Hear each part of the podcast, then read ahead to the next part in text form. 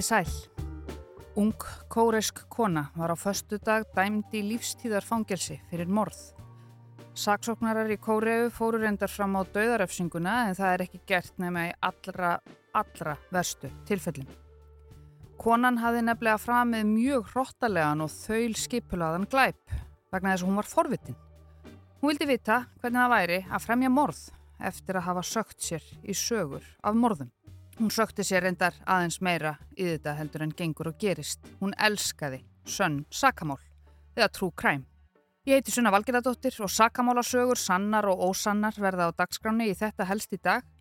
Ég ræði við mann sem hefur skoðað þessa formgerðar flokkun sem er íslenska orðið yfir sjannra og rætt um þetta við nefendur sína í háskólanum. Þessi dýrkun okkar á og þessi miklu áhugi á sönnum sakamálum, það er þetta er nánast orðið svona blætis tengt að fólk hefur rosalega mikið náhuga á þessu, helli sér í þetta Arnar Ekkert Tórótsen er félagsfræðingur við Háskóla Íslands þar sem hann kennir við námsbröyti félagsfræði, mannfræði og þjóðfræði. Við ætlum að skoða hvers vegna ásók mannskeppnunar í svona efni er svona mikil og hvað gerist þegar krossaðir og skáldskap hefur í raunveruleika sem getur reynst lífshættulegur samsláttur.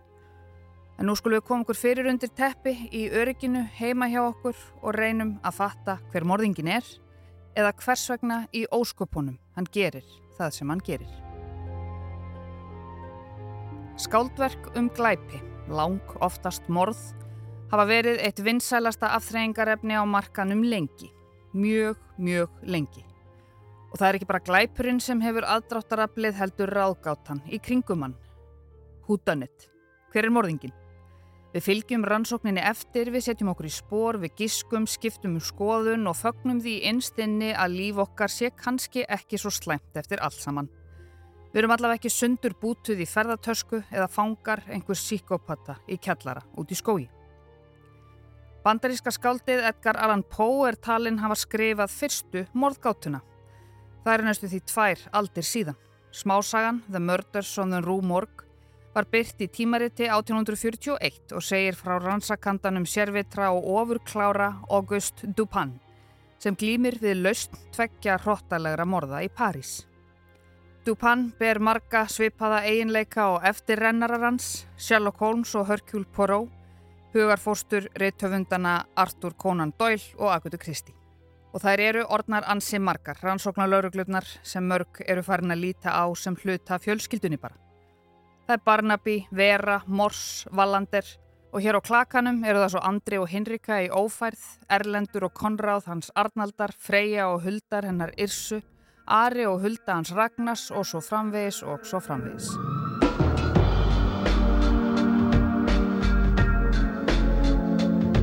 En á undanförnum áratug eða svo hefur fókusin færst aðeins til.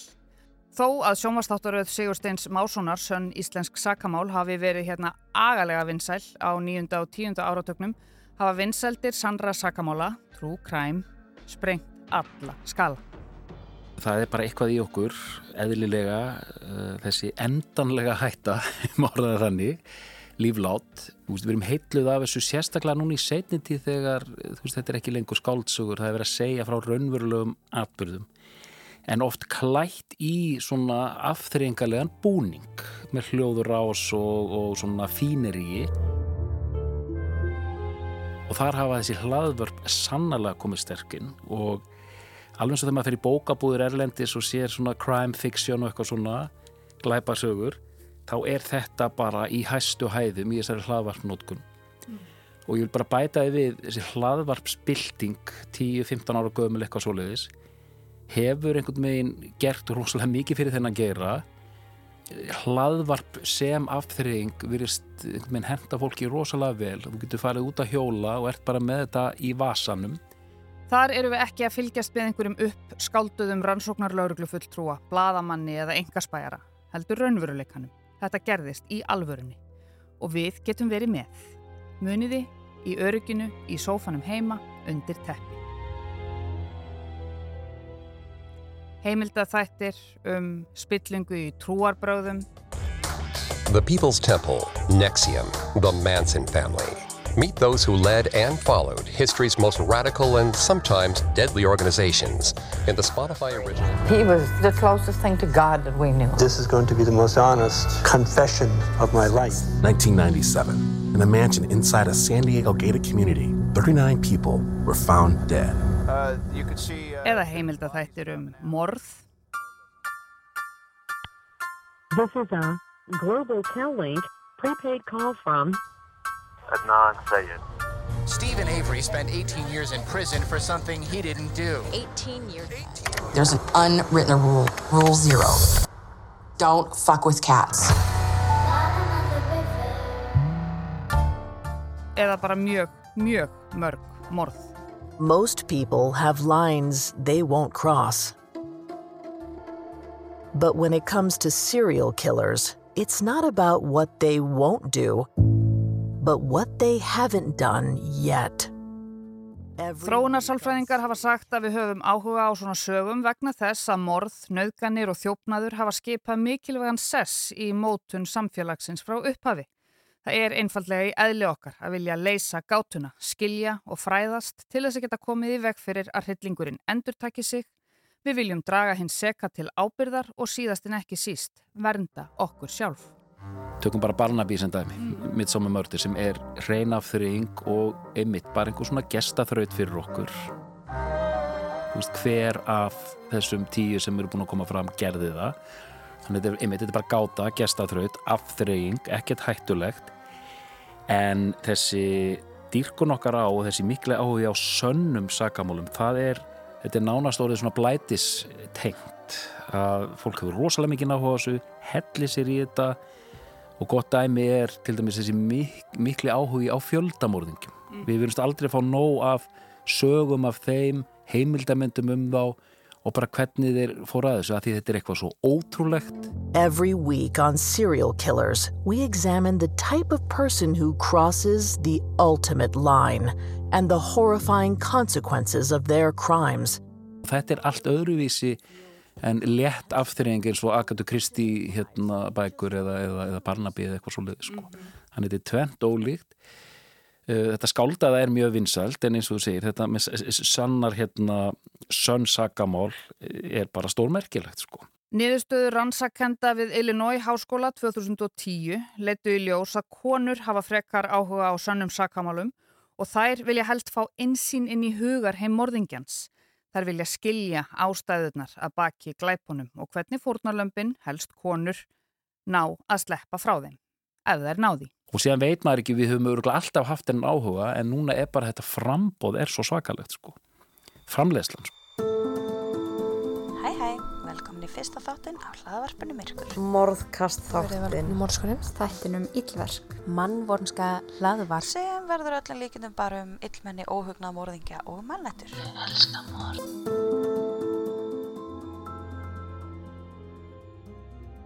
Allur heimurinn verðist háma í sig sönn sakamál. Þetta er allt frá Íslandi til söður Kóreu. Að minnstakosti er einn söður kóreskur trú kræm aðdáandi nú komin í heimspressuna. Hún er 23 ára, heitir Jung Jú Jung og hefur verið með sakamálasögur sannar og skáldaðar á heilanum lengi.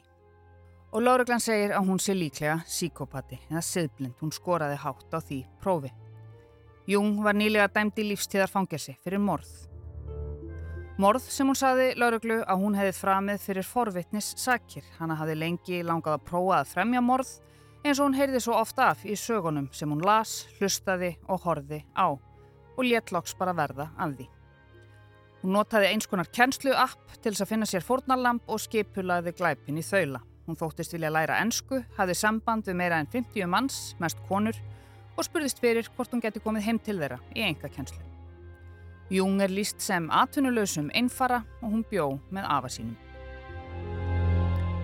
Saksóknarar vildu fá hana dæmta til dauða sem er enn leifilegt í Suður Kóreu en hefur þó ekki verið gert síðan 1997 og það á bara við um allra, allra verstu glæpina. Það var í mæ síðasliðnum þegar Jung fann fórnarlamp sitt. Hún þóttist vera móðir í leitað auka kjenslu í ennsku fyrir barni sitt. 26 ára gömul kona svaraði kallinu og Jung fór heim til hennar klætt í skólastelpubúning sem hún hafði náð að útvöða sér á internetinu.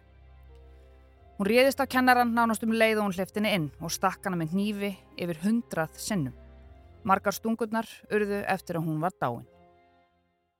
Svo hlutaði Jung líkið í sundur, tók leigubíl með einhverja hluta og hendiði í anna.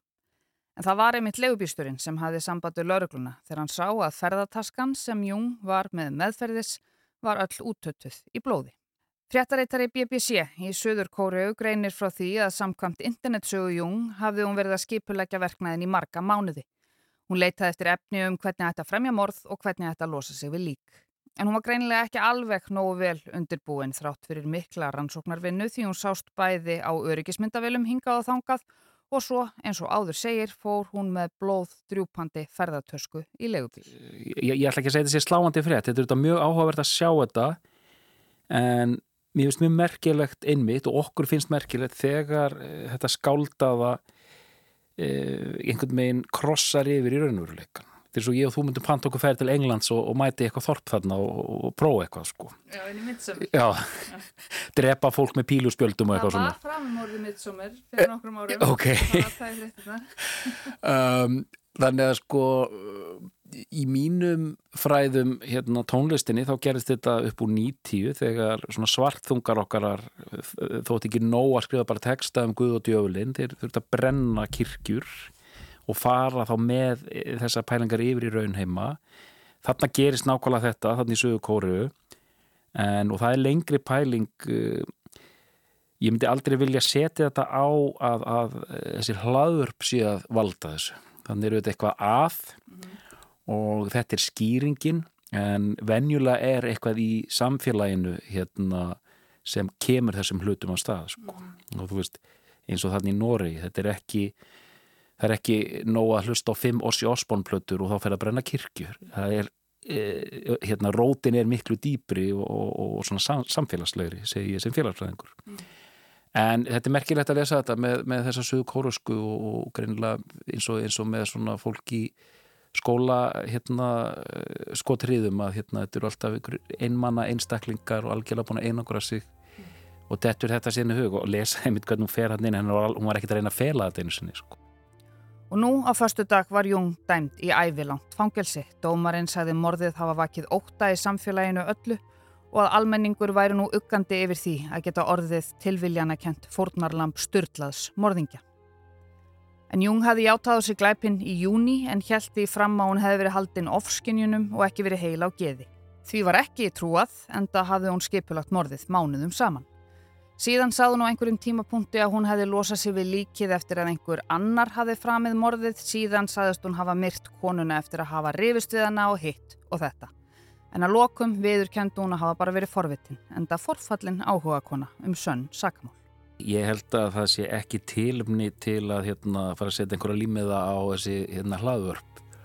Uh, ég myndi vilja líta á þetta sem algjörlega einstak tilfelli. En þetta er þetta áhugavert að sjá frétt þegar hérna, manneskja mjög áhugasum um, um hérna, uh, sanna glæpi reynir að sé hann sjálf sko. Mm. En hún er einn, en síðan eru miljónir af fólki sem er bara að hlusta á þetta fyrir einhvers konar forvitnis og, og, og spennusakir mm. Nei, mér finnst bara áhugavert, ég veit ekki hvert ég ætti að fara með það, mér finnst áhugavert hvað bara efnisframlegsla er orðin alveg ofsalega mikil, þannig að jú það náttu að minnstakosti kost á algjörlega sósaði í þessu sko, þannig að það er vissulega þá hægt að tala um einhverja hættu að fólk bara missi vitið sko, en ég minna nei, ég held að þetta sé og ég ætla að hafna þessari kenningu bara hér og nú, hún lifiði í einu og hálfa mínútu. Að hérna að þú veist það er að það sósast upp á hverju sem er og eh, sko, frambóða efni stýri því ekkert til Ég heiti Arnar Ekir Tórótsen ég er félagsfræðingur og starfa við Háskóla Íslands þar sem ég kenni námsbröð í félagsfræði, mannfræði og þjóðfræði Og ég heiti Sunna Valgerðardóttir og hafði umsjón með þetta helst í dag og við Arnar ekkert reyndum að kafa aðeins ofan í rótina og áhuga okkar á glæpasögum og skoðuðum afleiðingarnar sem geta orðið í undan tekningatilfellum þegar sá áhugi verður sjúklegur. En svo er líka kannski ágætt að minna hér á í lokin að áhugi almennings á svona sögum getur líka haft góðar afleiðingar og bendi ég því hlustendum og heimskviðu þáttunum serial hlaðvarpið, drottningu, trúkræm, hlaðvarpana sem varð eiginlega til þess að hetja þáttana slapp loks úr fangilsi. Og svo heimilda þáttaröðina Don't Fuck With Cats sem er eiginlega svo lígilega að það er ekki hægt að hafa neyn orð um hana. En af hverju erum við svona heldekinn af þessu? Kanski er þetta bara einfalt. Við höfum bara gaman að góðum sögum. Takk fyrir að leggja við hlusti í dag og við heyrumst aftur á morgun.